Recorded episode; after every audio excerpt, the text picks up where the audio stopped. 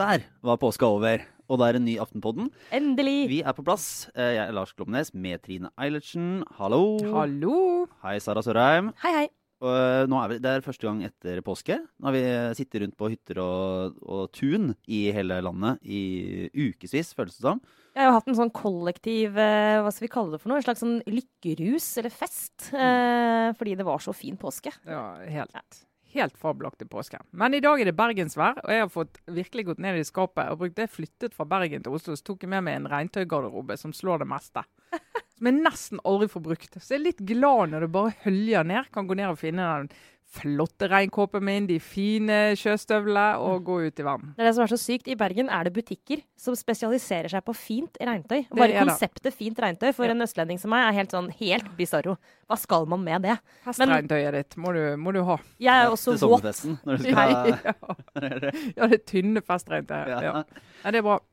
Nei, vi skal eh, vel innom eh, litt uh, ny justisminister, og så Ja. er det Høyre landsmøte, og så er det en haug med uh, mer eller mindre obligatoriske refleksjoner etter uh, påske. Påsken, påsken har rett og slett tatt helt knekken på, så jeg har bare sittet og grublet. Jeg må ut. Ja. Jeg må ut. Ja, så vi får bare advare allerede om at det kan komme mye.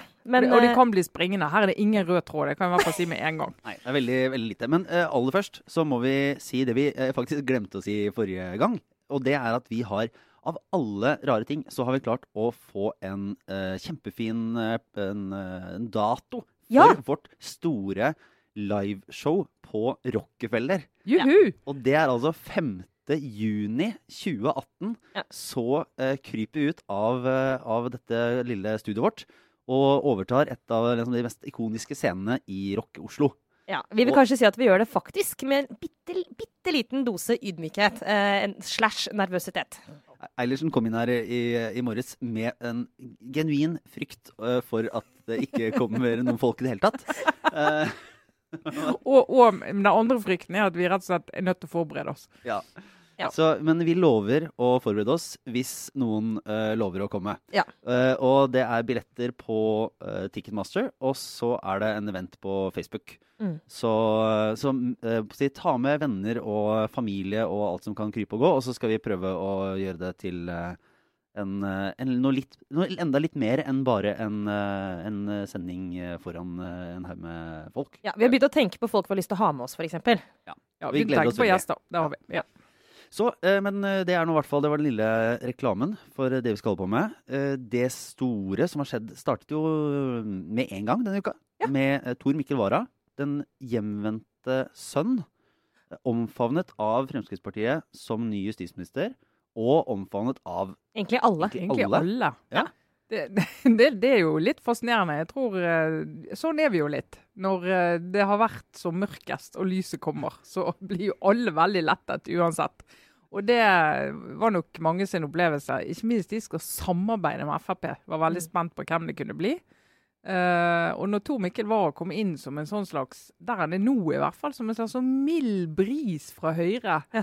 Uh, og liksom den Frp-eren som flest klarer å like.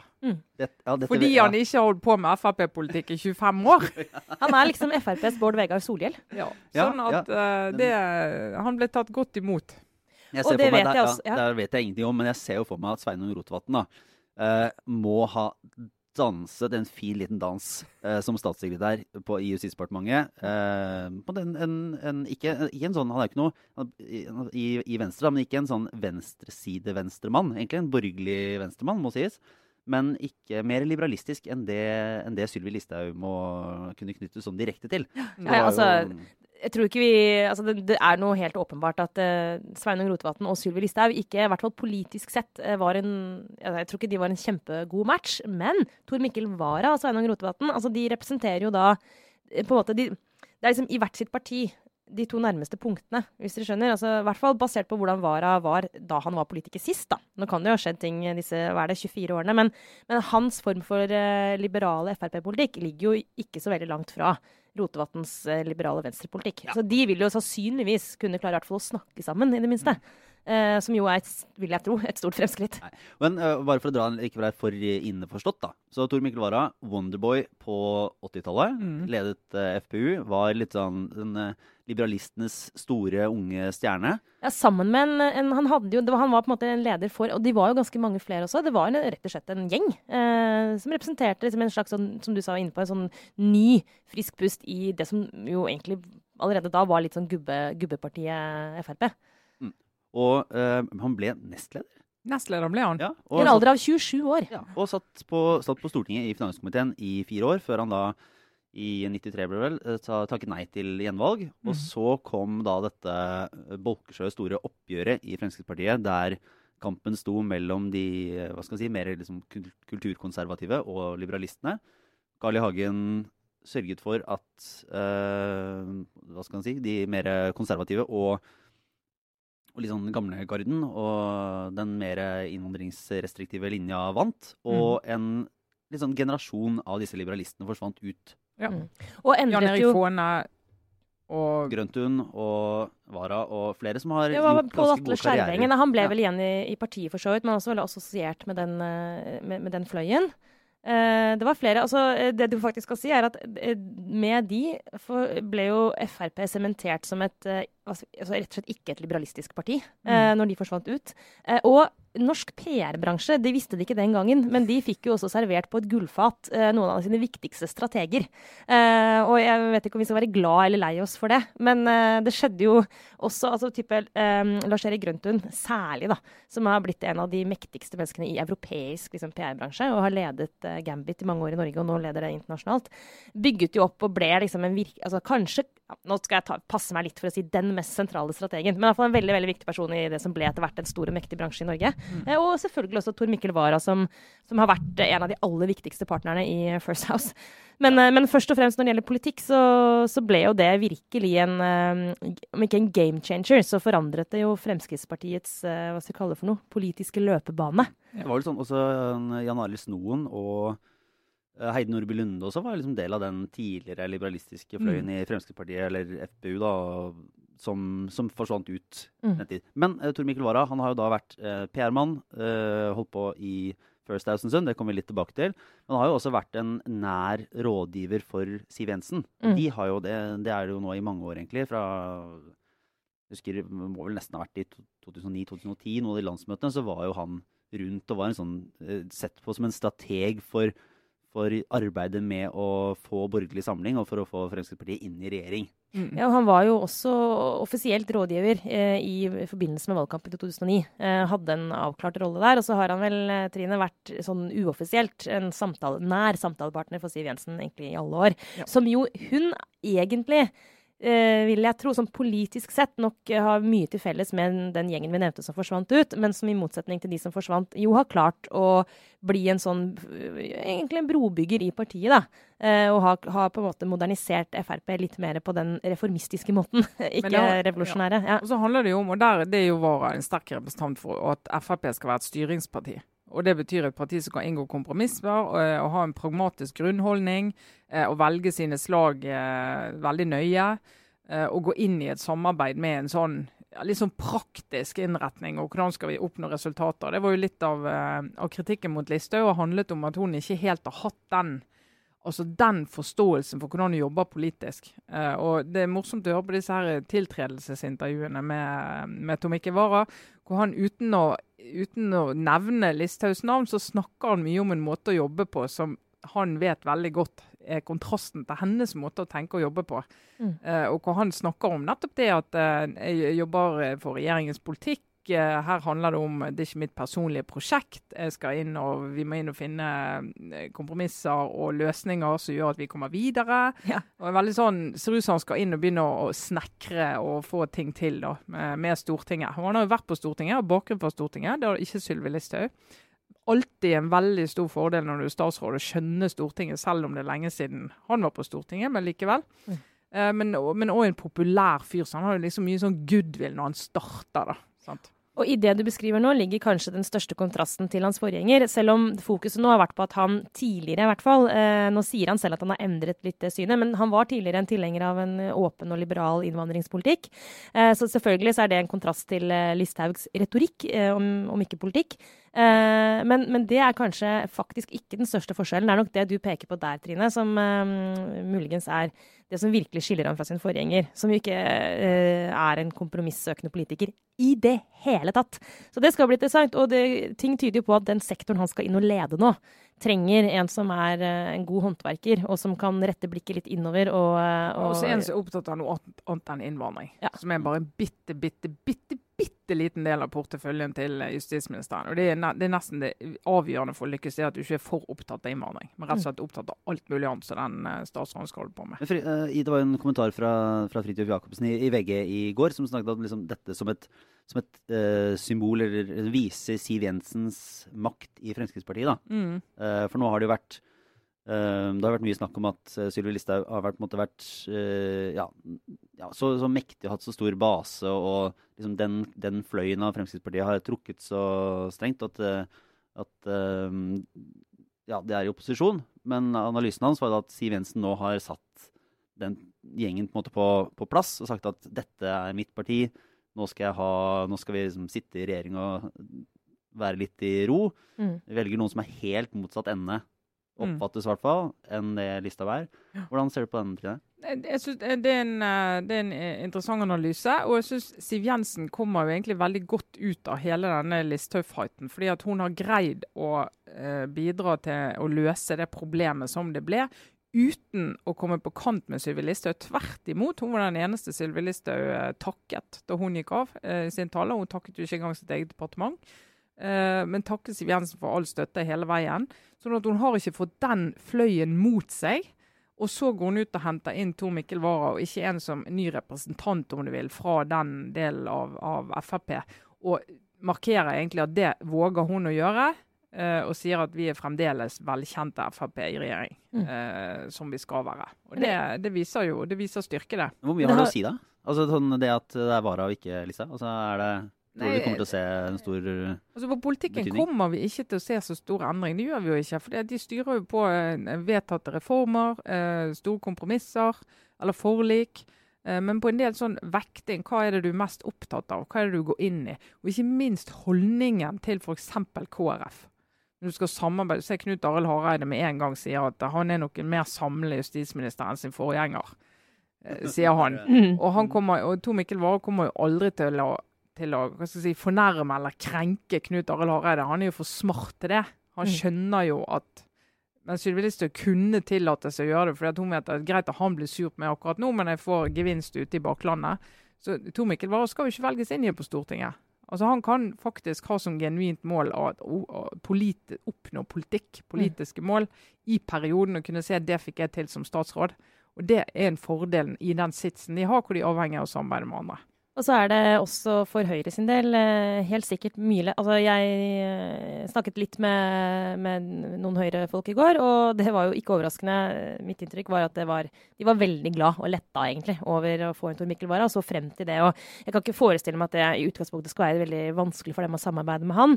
Eh, som det heller ikke er å samarbeide med en Kjetil, Ketil Solvik-Olsen eller de andre Frp-statsrådene vi ikke hører så mye om. Og det er klart at For regjeringen fremover nå, så altså, det, det er sikkert bra for dem at at de eh, nettopp, som du var inne på, Trine, får inn kompromissvillige og profesjonelle eh, statsråder som men, men vil jobbe sammen. Han, jo, han skal jo treffe Frp-velgerne også, han kan ikke helt glemme dem. Men det, ja, de, de, de, og være, sånn, være administrator. Han kan ikke være det. Men, men de som husker Tor Mikkel Wara, eh, vi som er gamle, husker han i debatten. Han er utrolig sånn retorisk og kvikk og ganske sånn han kan si ganske så oppsiktsvekkende ting. Så jeg så jo en del av venstresiden i går. De hadde jo virkelig gravd i alle skuffer for å finne sitater fra 80-tallet som skulle vise hvor uh, politisk koko han er. da. Og det er jo, Noe av det er jo veldig vittig. Ja, ja, det veldig sånn, uh, han, er ganske drøy, da. Så Uttalelsen om de rike, f.eks.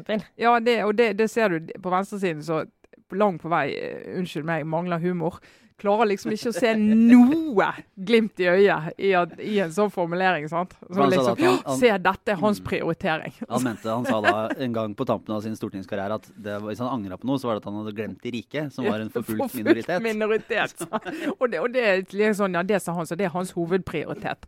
Ja, og det Sånn, sto jo i den opprinnelige saken i VG, som jeg sjekka i går, faktisk, at, eh, at han sa det med et glimt i øyet, liksom. Ja. Men det var bare så blant annet Bjørnar Moxnes var veldig tydelig ute og postet dette med et gra gravalvor i går.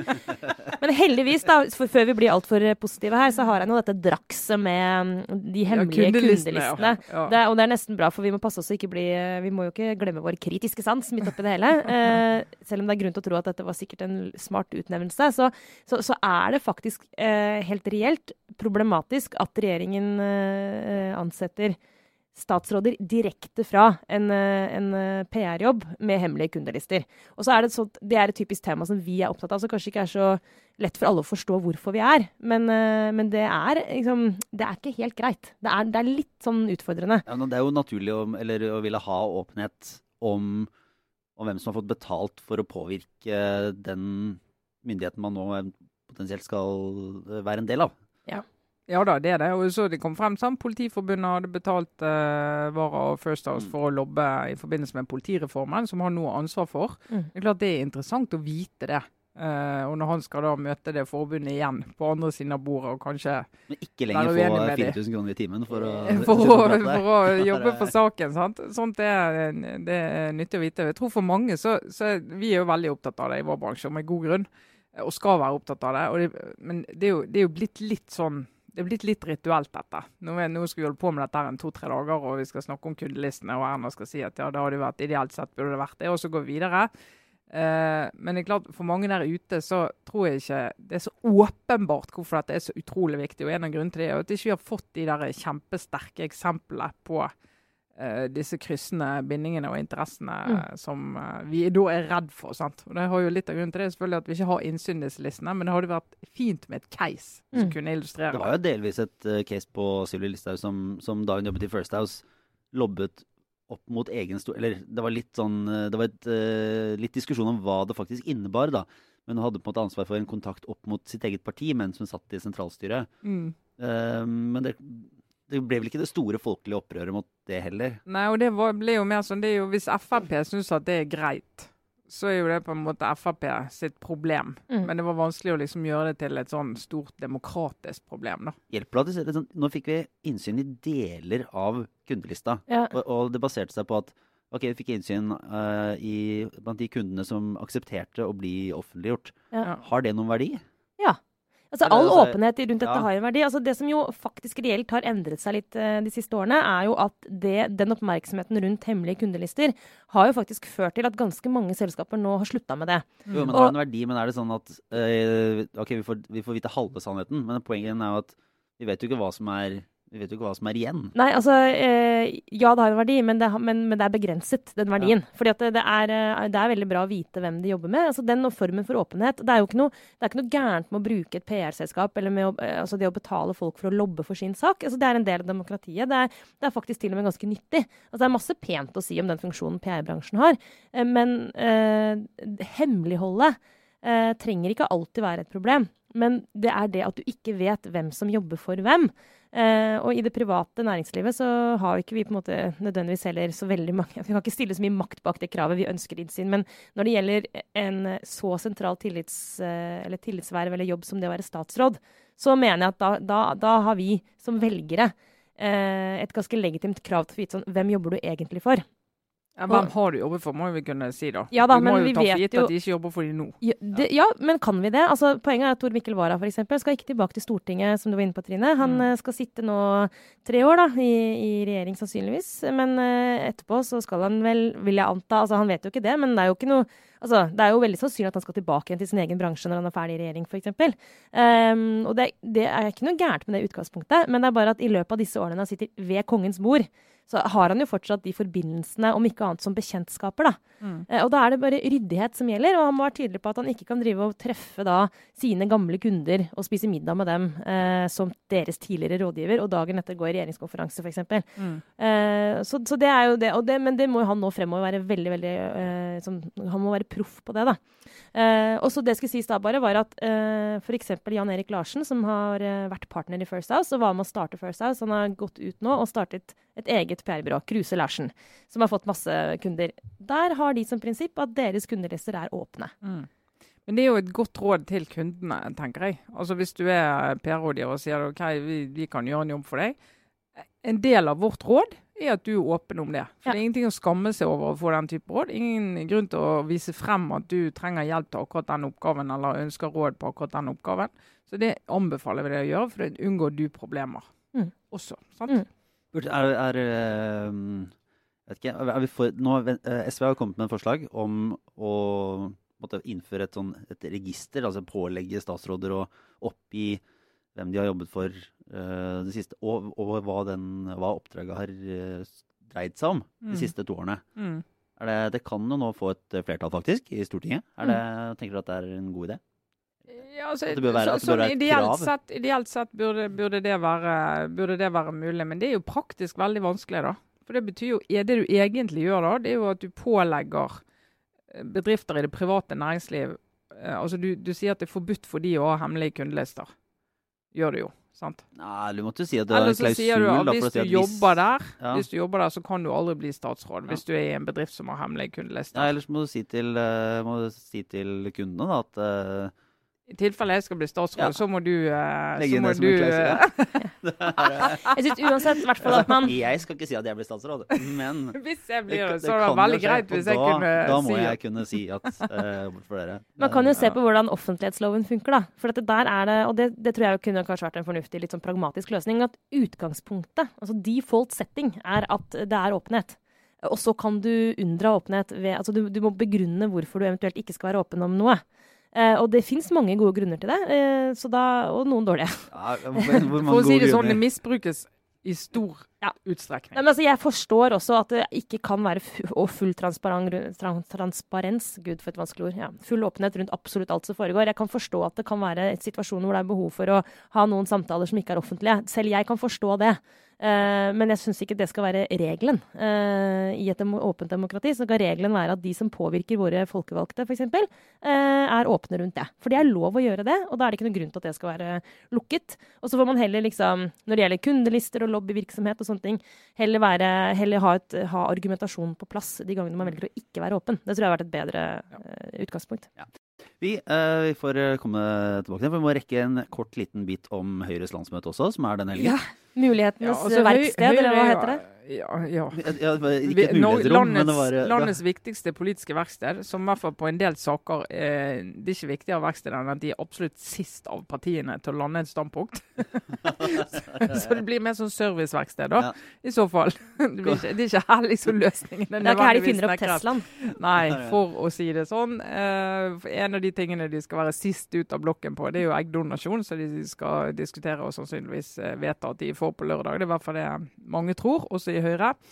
Eh, og så skal de diskutere om eh, de skal øke engangsavgiften for eh, diesel- og bensinbiler. Høres ut som en kjedelig sak, men Ja. som alle i Norge vet. Bilavgifter, det er det krutt i. Bilavgifter er gøy. Det her er Alle partier har mening om bilavgifter. Og hvis Høyre gjør det og de sier, Argumentet er jo det er to argumenter. Det viktigste er at staten trenger pengene. Når folk har begynt å kjøpe elbiler som ikke har engangsavgift, så har jo 9 milliarder kroner bort ut fra statskassen. Det har eh, påført, og de pengene trenger vi jo. Så de må få inn igjen, så øker jo avgiften på alle eh, diesel- og bensinbilene. Eh, og så blir jo da forskjell, andre grunnen er jo at forskjellen til elbilene blir eh, større i elbilenes favør, sånn at du kan liksom håpe at eh, Og så tenker jeg at Du kan ikke alltid drive og kutte Nei, alt, eksisterende avgifter på det som du vil nei, for du må faktisk ha de inntektene Ja. òg. Ja. Du kan ikke bare ha gulrot, du må ha litt pisk. Må ha litt pisk. Men det Dette er, høres da fornuftig ut, tenker jeg. Altså, men bare si at ja, det jeg syns bor alle på Stortinget, unntatt Frp og Senterpartiet og tidligere eh, Høyre. Eh, men nå er det jo Stefan Heggelund, en av de eh, lyseblå Høyre-folkene, som eh, leder det utvalget som skal foreslå dette. Så det blir interessant å se hvordan debatten blir på, i Høyre. Men de som har fyrt seg ordentlig opp, er jo Frp. De hater jo økte avgifter på bensin- og dieselbiler. Og de vil jo heller ha lavere, sånn at folk kjøper. Hvis de først skal kjøpe Hvis vi først skal snakke om bil, så må du gjøre alle biler så billig at du kan kjøpe ny bil. For det er også en ny bensinbil er jo mer miljøvennlig enn en gammel bensinbil. Ja. Ja. Sånn at eh, de, Der så jeg eh, Helge André Njåstad var ute med en sånn appell på Facebook i dag og håpet at sine venner i, i Høyre kunne lande riktig og, og ikke skli ikke inn i jeg si? For da blir det flertall på Stortinget da, for, for å gjøre Men det er jo en, det er jo en eh, Det er av og til når man har vært på en del Høyre-landsmøter, så ja, det er jo litt fordommene, da. Men Høyre er moderne, liksom, reformpartiet og alt mulig rart. Men det er en veldig stor andel av de som sitter i en sånn landsmøtesal som er ekstremt opptatt av vei. Det er en overraskende mye veidebatt. Og, Samferdsel er det er noe aller viktigste. ja, og uh, det er liksom ekstra mye vei og ekstra mye forsvar, for det kommer jo en ny runde på dette kravet som uh, Høyre på det landsmøtet alltid driver og baler med dette hvor mye av budsjettet som skal gå til eh, altså Nato- og forsvarsbudsjettskravet. det kommer alltid opp. Det kommer, og det, og forsvarsfalangen eh, si, i Høyre er veldig sterk og veldig engasjert. og veldig altså, det, For mange der så er det derfor de stemmer Høyre. Altså Det er litt sånn det gamle forsvars-Nato-partiet Høyre. Mm. Og når de føler det er litt sånn litt sånn eh, vinglete og litt sånn soft on eh, forsvar, da, da blir det Hva var det? Nå, nå, nå er jeg fryktelig dårlig på Vitner om litt sånn dårlige forberedelser, men jeg bare lå og sånn slumra til Politisk kvarter, så jeg fikk ikke med meg helt, helt hva det var. Men var ikke Erna Solberg der i morges og snakka om Prøvde å definere seg bort fra hva, forskjellen på en mål og en ambisjon og et løfte. det, det Og sånn, sånn politisk Altså, språk Lars, som, som si det sånn. når, når man halvveis sover, er bare OK. Nei, kan du bare glemme. Jeg smurte matpakker og fikk ikke hørt Politisk kvarter, men jeg håper for din del at dette ikke var en drøm du hadde. For det ville vært helt sykelig. Ja, når det var, det var det skjedde. Dette skjedde i virkeligheten. Ja. Og det høres ut som vi diskuterer visjon og målsetninger i, i Aftenposten og Ja. Skipsted. Så du vet at det, vi, det faller halve rommet av med en gang. Så det er liksom eh, Ja, altså, nei, det var ikke et krav, nei det, var, nei, det var heller ikke litt mål, men jeg har en ambisjon Ja. om å nå målet vårt Ja. om et krav på, på 2 men det, er jo, men det blir jo god stemning. Kommer helt sikkert til å være god stemning. De har liksom eh, ferskt ut av å løst et stort problem. Mm. Altså eh, Listhaug Gate. Ja. Og på målingene er det jo borgerlig flertall. Har jo vært eh, hva da, siden jul, liksom. Mm. Hvis du regner med eh, KrF i det, og det gjør vi jo helt til de har bestemt seg, så visstnok ikke er så veldig lenge til. Eh, og så eh, skal de liksom, har de fått Venstre inn i regjering, så er det sånn godt halvår hvis du ser bort fra litt sånn metoo, Olemic. Thommessen Sylvi Altså all personalpolitikken, da. Så Ja. se bort fra det. Og det tror jeg Erna Solberg er fullt i stand til å se bort fra. Så kommer de til å være, i god stemning. Men det er altså landsmøtet. en, eh, det er nachspiel-nekt. Nachspiel-nekt. Ja. Og da var det jeg spurte deg før vi begynte, Lars. Har du vært på nachspiel på Høyre-landsmøtet noen gang? Ja da. Hvor, hvor stort uh, nedsig blir det å ikke få gjøre det igjen? Jeg, altså faktisk, Uh, det er jo et eget lite fagfelt som vi kanskje skal komme tilbake på, dette liksom, festkultur på ulike landsmøter. Vi har sneia innom det tidligere. innom Ja. det. Ja. Og, Og Høyre-nachspiel er jo ikke av de verste. Eh, nei, altså, i, eh, det kommer litt an på hva du mener med verste. Ja, nei, det, er gøy. det, Altså, gøy. er gøy. Ja. ja. Nei, nei, det er, eh, det, er, det er ofte ganske hyggelig og ganske god sånn festkultur i Høyre. Mm. Eh, Men det skal jo sies at det er jo ikke mm, Altså opplegget eh, på et sånn Høyre-nachspiel er ofte at det er et hotellrom som, eh, der det er litt eh, drikke etter etter at baren har stengt. Mm. Men jeg tror ikke Det er jo typisk ikke der på sånn presse-nachspielet, der hvor det møtes journalister og noen av liksom, de mer sentrale politikerne uh, og tar seg en, en øl etter, etter en barn. Det er ikke der det mest skandaløse skjer, Nei. egentlig. Der er det ingen metoo-situasjoner. Nei, det skal jeg ikke garantere. Jeg vil, jeg vil helst ikke Jeg vil ikke ta en sånn herre Nei, jeg tror egentlig ikke det fins, jeg, i eh, på pressen. Det har livet lært oss, for å si det ja. sånn. Det eh, jeg skal så langt ifra. Men eh, det er og det, det det sikkert kommer til å være det som var i fjor. Det vet jeg i hvert fall for noen. Uh, altså meg inkludert varte det ganske lenge, men for en, noe enda flere så varte det mye lenger. Ja. Og, og det kommer helt sikkert til å være noen mer opplagte delegater på søndag formiddag. Jeg så de har eh, Torbjørn Røe Isaksen som trekkplaster søndag formiddag, så Ja, det burde jo trekke litt. Det burde jo trekke. Men, men det må jo jeg bare så- få lov å komme med et hjertesukk. For det er jo faktisk sånn at det er ikke alle partiene som har landsmøte hvert år. De fleste har jo annethvert år. Men Høyre og Venstre og uh, Frp, de har det. Slutt med det. Altså, det er ikke valgår. Det er den beste tiden av skisesongen nå på ettervinteren. Vi har hatt en fantastisk vinter. Vi kunne vært på ski hver helg. Og så kommer de drassende med disse landsmøtene. Unnskyld meg, jeg er interessert i politikk, men må, Nå, må du må, altså- Hva er galt med et landsstyremøte? Det pleier å være jeg som er representant for sånne bitte, bitte, bitte, bitte små grupper som skriker opp om sine manglende privilegier og blir møtt av en sånn folkelig nesestyver som er sånn 'hold kjeft, din elitist'. Eh, Men nå, Trine, vil jeg bare si at nå Den bitte går deg i næringen, jeg vet det. Altså den bitte lille gruppen politiske journalister som får ødelagt skisesongen sin fordi de må dekke landsmøter. Og I feel your Og pain. ikke for nachspiel. Og ikke for nachspiel. Ja. Ja, men det mange av disse politikerne glemmer, det er at de går bare på ett landsmøte. Mens vi går jo på mange. Det er litt sånn som vi har det i hagefestsesongen på høsten. Det. Eh, okay. Buhu. Det er, eh, OK, men vi, vi en, gleder eh, oss til eh, Tragedie. Ja, det er et tøft liv. la, la oss, jeg, skal, jeg skal innom Høyre-landsmøtet, bare så det er sagt. Så hører fra meg. Ok, To ting jeg ikke er så veldig interessert i personlig, da, men som vi må følge med på, er altså forsvar og bil. Nei, nei, ja, ja, altså Og bio- Ja, det, er egentlig det er ikke, Eggdonasjon. Det er Forsvarsbiten i. er mer en sånn Det kommer de alltid til å eh, diskutere Og og, og holde på med. Ja. Uh, bilavgiftene blir mer interessante fordi det kommer til å være en konflikt med Fremskrittspartiet hvis de strammer til. Mm. Uh, og så blir jo biotek-diskusjonen eh, en veldig interessant diskusjon med KrF. Og Ja. liksom, Ja, faktisk det. veien videre for hva som kan skje i Norge, og hva Ja. som kan bli tillatt. Da. Det, kan, er det, det er det. Og KrF må vi Det kan jo kanskje være altså det, ganske snart. Så altså det partiet Vi skal ikke bruke mye tid på det nå, men det blir jo også reelt spennende fremover. Hva i all verden de skal gjøre. Stakkars KrF. Så det, Trine, må vi vi skal ha en KrF-spesial snart. Det kan hende. Det, det ligger der og flyter litt, sånn, litt foran oss hele veien. ligger de foran oss. Det blir, Er det det som skjer 5. juni på Rockefeller, kanskje? For da tenker jeg vi Da har vi trukket fullt hus, hvis vi annonserer det. det. var- Det var salgspitchen sin. Vi lover noe virkelig ekstra.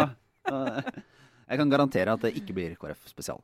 Men uh, vi har altså så mye rart dere har tenkt på, særlig dere har tenkt på Ja. gjennom påska. påska. Jeg kan jo røpe et lite godt, men ubekreftet rykte først. Ja. Jeg har, vært, jeg, jeg har oppdaget at jeg har befunnet meg i, eh, i påskeferien i liksom selve hjertet av eh, en del av Arbeiderpartiets eh, både parti, altså sjel, vil jeg nesten si. Eh, så jeg vil bare tips til politiske journalister som vil eh, liksom inn i eh, den, en sånn triangel bestående av partisekretær og eh, Er det fortsatt kvinnepolitisk leder, mon tro? Og ja, nei, nå skal vi ikke snakke koder. Eh, altså, Kjersti Stenseng er fra Lesja, og det betyr, tror jeg, at det er i nærheten av Gålå, hvor jeg var på påskeferie.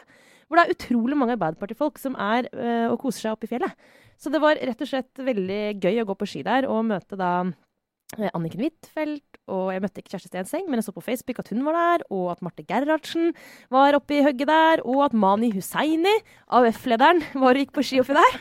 Så det var, det, var, det hørtes mer spennende ut da du sa det var liksom en mektig triangel i Arbeiderpartiet. Ja. Bare, ok, Jeg kan gå på ski meg, og, eh, og så se Anniken meg Trond Huitfeldt. Giske Ja, ja. komme i eh, hockey nedover ja. fjellside og krasje med Jonas Gahr Støre. Nei, men det var faktisk eh, veldig hyggelig, og etter en sånn ganske bråkete vinter i politikken, så må jeg si, og det her er ikke ironisk, det er så helt genuint, må jeg si jeg unner dem en sånn skikkelig fin påskeferie på fjellet. Veldig koselig å treffe på kjempeblide, gjestfrie, opplagte politikere i skiløypa. Da tenker jeg sånn at det, det er bra. Altså, fordi eh, det er Jeg tror at følelsen av en sånn Altså, det har vært veldig mørkt for veldig mange uh, det siste halvåret. Altså. Helt sånn for real. Noe fortjent, noe ufortjent. Så det at det liksom uh, Ja. Vet du hva, det var, jeg må bare si, det var vel unt. Ja, men vi er så rause her vi at vi unner alle en god påske. alle en god og påske, vi. Ja, Ja, det det gjør vi. eh, selv de som er i byen. Ja, det gjør vi. Men uh, du har jo bare fyrt deg opp, eh, Trine. har du ikke det? Ja, jeg har ikke fyrt meg opp, men jeg har uh, kjent på et engasjement som ikke alltid Jo, det er der stadig vekk, men nå har jeg funnet en sak som jeg kanskje skal engasjere meg litt ekstra i. Og det er kampen mot mikroplast. Ja, det må jeg si. Og jeg, er jo, jeg har jo min andel av fleecejakker. Jeg har, kjøpt min siste, jeg har kjøpt min siste fleecejakke. Altså, jeg, jeg, nå, jeg leser litt om dette, her, og det betyr at algoritmene på alle steders algoritmer de gjør at de bare pøser på med sånne saker og videoer og mikroplast og ting som skjer i havet når jeg vasker fleecejakkene mine og det renner ut i vannet og fiskene spiser blir full av mikroplast. Det er forferdelig. Kan jeg stille et grunnleggende spørsmål som jeg faktisk har lurt på? Jeg er litt redd for å Ja, gjør det. Ja, det, det, er ikke så uh, det, er, det, er, ganske basic. Hvor hvor liten er en mikroplast? Nei, jeg, jeg, kan ikke gi deg noe tall på det.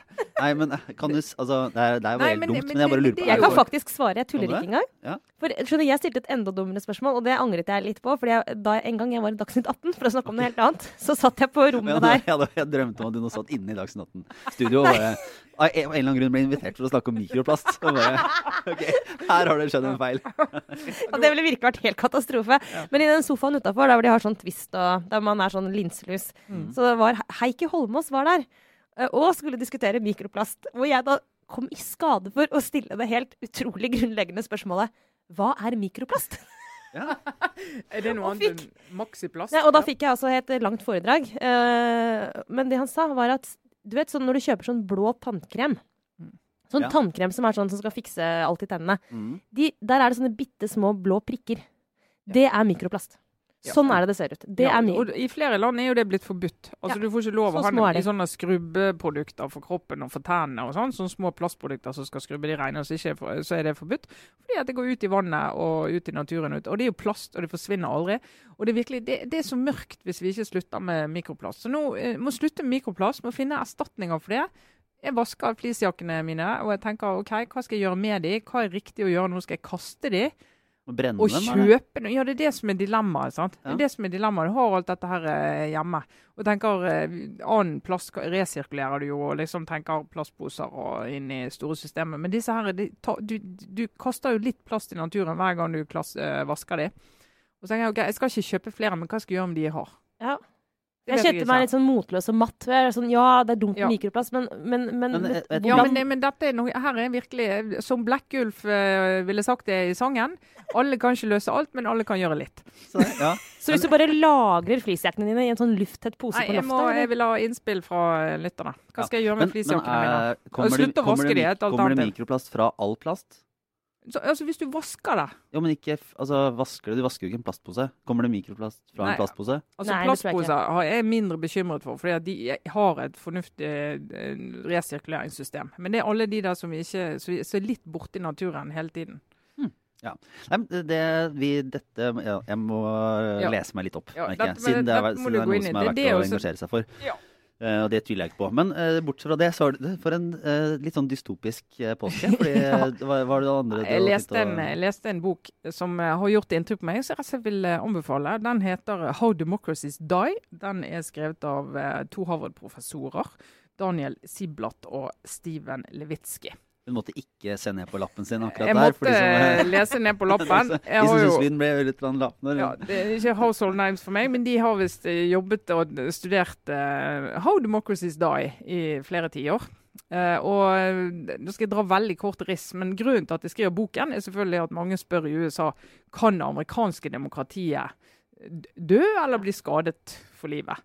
Og så er det noen som sier nei, det kan det ikke, for vi har så sterke, gode institusjoner, vi har grunnlov, vi har et system som uh, checks and balances, som sørger for at det er grenser for hvor galt det kan gå. Og så går de inn og sier at demokratiet har jo dødd.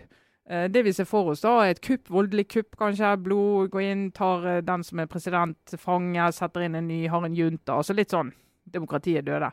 Men den si, moderne måten demokratiet dør på, er gjennom valg. Der du velger en politiker eller eh, parti, som går inn og begynner å rykke litt i institusjonene, litt i systemene. Mm. Eh, tar seg litt til rette i rettssystemet, og så pusher grensene hele tiden. og Det, det de er veldig opptatt av, som er interessant, ikke bare i USA, men i mange, mange demokratier, det er hvordan er disse politiske normene blir utfordret. Altså Ting mm. som ikke er skrevet ned formelt. altså En norm typisk i, i USA, som er et hovedeksempel for de, det er jo at selv om du har flertall flertallet i Kongressen og presidenten, og du har egentlig muligheten for å virkelig gjøre veldig mye og, og maksimalt utnytte makten du har, så er det en norm som gjør at du, du, du skjeler litt til eh, opposisjonen. Mm. Eh, og tar et hensyn til at vi skal jo ha noe, hvis vi skal gå av, så er det noen som skal overta etter oss. Så vi må liksom prøve å ha en viss balanse som gjør at ikke frontene blir for harde. Ja, og bare når du går, tar over som president, f.eks., etter en splittende valgkamp, at det har vært en sånn kutyme at man er opptatt av å si at nå er jeg alles president. Ja. Eller liksom uh, vår egen, jeg er også kommunistenes konge, liksom. Ja, det er Altså, veldig at du tar, det første du gjør nesten når du blir innsatt, er å liksom understreke at fra nå av har jeg perspektivet til dere alle om bord, liksom. Ja, så du skal ikke, Selv om det er lovlig maktbruk, så skal du ikke utnytte det eh, på, på en sånn måte at du skyver for mange fra deg. At det er en litt sånn del av den politiske kulturen. de beskriver hvordan, eh, hvordan dette har vært en, en viktig del, sånn bipartisan, altså at du er tverrpolitisk enig om at sånn skal vi ha det. Så når de har hatt eh, presidenter som har prøvd å pushe dette, så har de faktisk gått sammen partiene og sagt at nei, det- det vil ikke vi. Selv om det er vår president, så, så stopper vi, stopper vi den, det forsøket på å bruke eh, bruke den makten. Men så beskriver jeg da hvordan eh, en stadig mer, og de sier at Trump er ikke liksom den som skapte dette. Han er et resultat av 30-40 års utvikling i amerikansk politikk, der du Mm. har hele tiden bygget ned også den normen som handler om at utrolig vesentlig norm, og den kan vi ta hjem til Norge, som handler om at du genuint anerkjenner dine politiske motstandere. Du sier det at du mener det du mener. Jeg mener ikke det, men du representerer de interessene som finnes i vårt samfunn. Mm. Derfor mener du det du mener. Jeg representerer disse interessene. Jeg mener det du mener. Eh, nå skal vi hjem eh, i helgen. Vi er helgependlere. Vil du sitte på? Mm. Eh, og så kan vi ha en samtale om mye, også det kanskje, men andre ting. Men at jeg respekterer deg som politisk motstander. Og at det er en utrolig viktig verdi hvis du skal ha demokrati som fungerer. Og de skriver at i USA så er den verdien der forvitret liksom år for år, president for president. Uh, både demokratene og republikanerne har bidratt til det. Og jeg syns det er interessant eh, tema å ta hjem i Norge. Eh, Mm. ta, leste den boken rett etter at Sylvi Listhaug hadde holdt sin tale og sagt at Jonas Gahr Støre uegnet som statsminister. Ja, og KrF har, er et parti helt uten ryggrad. Ja, og da, da snakker hun om sine politiske motstandere på en måte som bidrar til å undergrave den normen jeg mener vi har i Norge, om at vi er kjempeuenige i sak.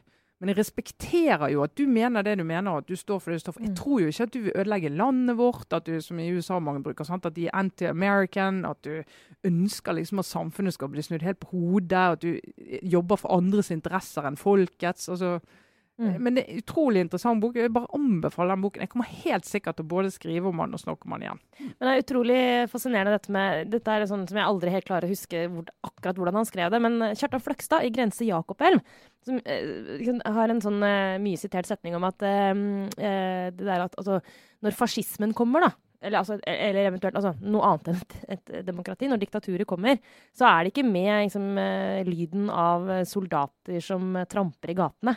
Men der var det han skriver noe sånt som at men det er som et sånn plutselig skifte i vinden eh, som varsler høst.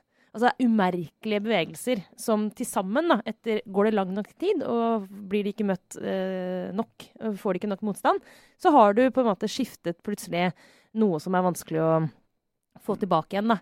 Og det syns jeg, jeg akkurat nå for tiden, det er, sånn, det er et sånn type materiale som jeg får litt sånn det, blir- litt sånn iskald inni deg når du, det, du drar opp, det perspektivet du drar opp nå, Trine, av Ja, det. det, det er mange, mange temaer inni det. Altså, hvordan du håndterer ekstremister, hvordan holder establishment, hvordan håndterer de, holder de utenfor, tar de inn og tror at de kan endre de. Men også dette med forlik og kompromisser, som en del ser litt sånn foraktelig på. Mm. Og sier det at eh, herlighet, alle norske politikere de lover og lyger, og så når det kommer et stykke, så blir de enige om de store kompromissene og bryr seg ikke om folk og sånn. Uten de store kompromissene så får du mye, mye tøffere eh, konflikter som varer mye lenger, og politikken ville sannsynligvis utviklet seg mye, mye saktere for mange av velgerne. Men det er, sånn, det er jo ofte litt vanskelig å forklare det. Men det er jo det er veldig viktig å ha politikere som er opptatt av ikke bare vinne velgerne på neste meningsmåling og, og kanskje til og med neste valg, men som faktisk tenker hvordan skal vi gjøre dette samfunnet til et bedre sted å være på lang sikt. Mm. Og det får du ikke hvis du, hvis du bryter ned de politiske normene som vi har bygget opp over, over mange, mange tiår. Ja, så Ja. får du jo også en, en sånn dominoeffekt hvor, eh, hvor du får også Du bygger de motstanderne du fortjener da, i politikken.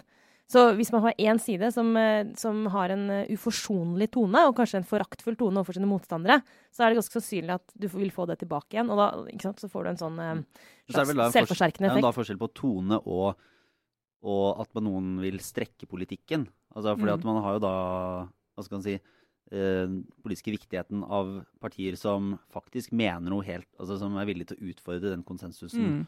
Og tenke noen nye løsninger, da, både Ja, til absolutt. høyre og venstre, men Ja. at det må skje innenfor former som, som ikke demoniserer. Da. Ja, Eh, og, det, og, det, og jeg mener jo det, er jo det er jo veldig sunt at ikke alle partiene på Stortinget er med på alle kompromissene. Mm. Selv om de får eh, kjeft for det. For Hvis det hadde vært sånn at alle var med på alle kompromissene alltid, da tror jeg du skaper grobunn for ekstremistpartier på utsiden. Som sier at ok, det er faktisk ingen som hører på oss her ute, som mener noe annet. Eh, sånn at Du må jo ha den dynamikken. Men at Mm. du som, som arbeidsform har at de store, viktige reformer, f.eks. At du prøver å få eh, bred enighet. Og ikke minst, altså hvis du har en flertallsregjering, eh, rød-grønn regjering, så kunne jo i prinsippet, de har flertall på Stortinget, kunne ha kjørt gjennom alt de ville. Og ikke trengt å spørre Stortinget, bare sendt brev til Stortinget. Men at du i hvert fall, Nå fikk de kritikk for å gjøre for lite av det, men de så jo også verdien av at på en del forlik så må du få med deg de andre store partiene. Det har jo både med at det blir et bedre klima, bokstavelig talt av det, men også at du i andre enden At du ikke får sånne voldsomme skift i politikken når du har maktskifter. Mm. Så de er sånn, ja, nå skal vi rydde opp etter alt det rælet dere fant på. Altså, for det blir veldig ustabilt av det. sant?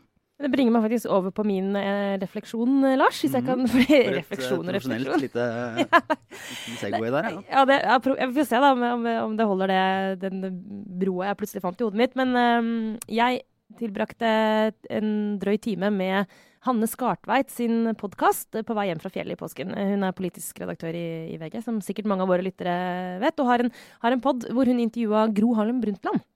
Eh, og det må jeg si, det, det anbefaler jeg, og et veldig godt intervju. eh, Veldig interessant. Og der sier annet Gro, og hun er Gro, altså, uh, på fornavn med henne, håper jeg blir unnskyldt for det. Uh, hun snakket om det, Trine, om eh, eller, eller Hanne Skartveit spurte henne litt om hvordan det var å være toppleder, og hvordan hun følte at Eller hennes refleksjoner rundt det å være faktisk den som til syvende og sist måtte ta avgjørelsene. Og det å stå alene i det. sant? Og det er jo for toppledere en sånn Det er på en måte bare Noen må ha den jobben. Men da var hun kanskje ikke så overraskende. Veldig sånn Nei, det var ikke noe problem. Det syntes hun var kjempegøy, liksom. Jeg var veldig glad for å få være den som tok avgjørelsen. Men så sa hun Men jeg brukte likevel veldig mye tid i forkant av viktige avgjørelser. På forankring, på å diskutere, på å eh, forklare hvorfor jeg tenkte som jeg tenkte. Eh, men ikke fordi at hun, hun trengte det personlig for å få hjelp til å ta en avgjørelse. Men for hun sa men fordi avgjørelsen skal forsvares etter at den er tatt. Og det vil du ikke gjøre aleine. Det er ikke det å komme fram til avgjørelsen som nødvendigvis er problemet, men hvis ikke de folka rundt deg forstår hvorfor De trenger ikke nødvendigvis være enige heller, men i hvert fall forstå logikken bak avgjørelsen. Hvis ikke du har med folk på det, så må du stå aleine etterpå. Ingen forsvarer da eh, den bestemmelsen. sant? Og det er jo også en, det er en litt annen form for kompromisstankegang, men det er den samme på en måte, det, hun, er, hun er jo i aller høyeste grad representant for den typen politiker som, som nettopp eh, søker, søkt, søkte kompromisser og søkte å få ting gjort. Eh, og var jo ikke kjent for å Ja, liksom, hun var jo alltid mindretall, så hun måtte jo det. ja, ikke sant? Eh, men jeg bare synes, det syns jeg var en sånn klok eh, refleksjon i Nordstad der. Det, kanskje er det åpenbart, i hvert fall når det har blitt sagt, men, men det er også en måte liksom å være i forkant på. Og det å nettopp ønske seg at en avgjørelse skal eh, føles riktig for flest mulig mennesker, og ikke kjøre gjennom. Ja. Men, men det tror jeg igjen, hvis vi tar tilbake igjen til Høyre landsmøte og bioteknologi, Det er så mange himler med øynene over at Høyre må, i fjor, de hadde det oppe på landsmøtet i fjor, og så sier de ja, men vi må diskutere det et år til før vi kan lande. Alle andre, men ikke vi, har landet ennå.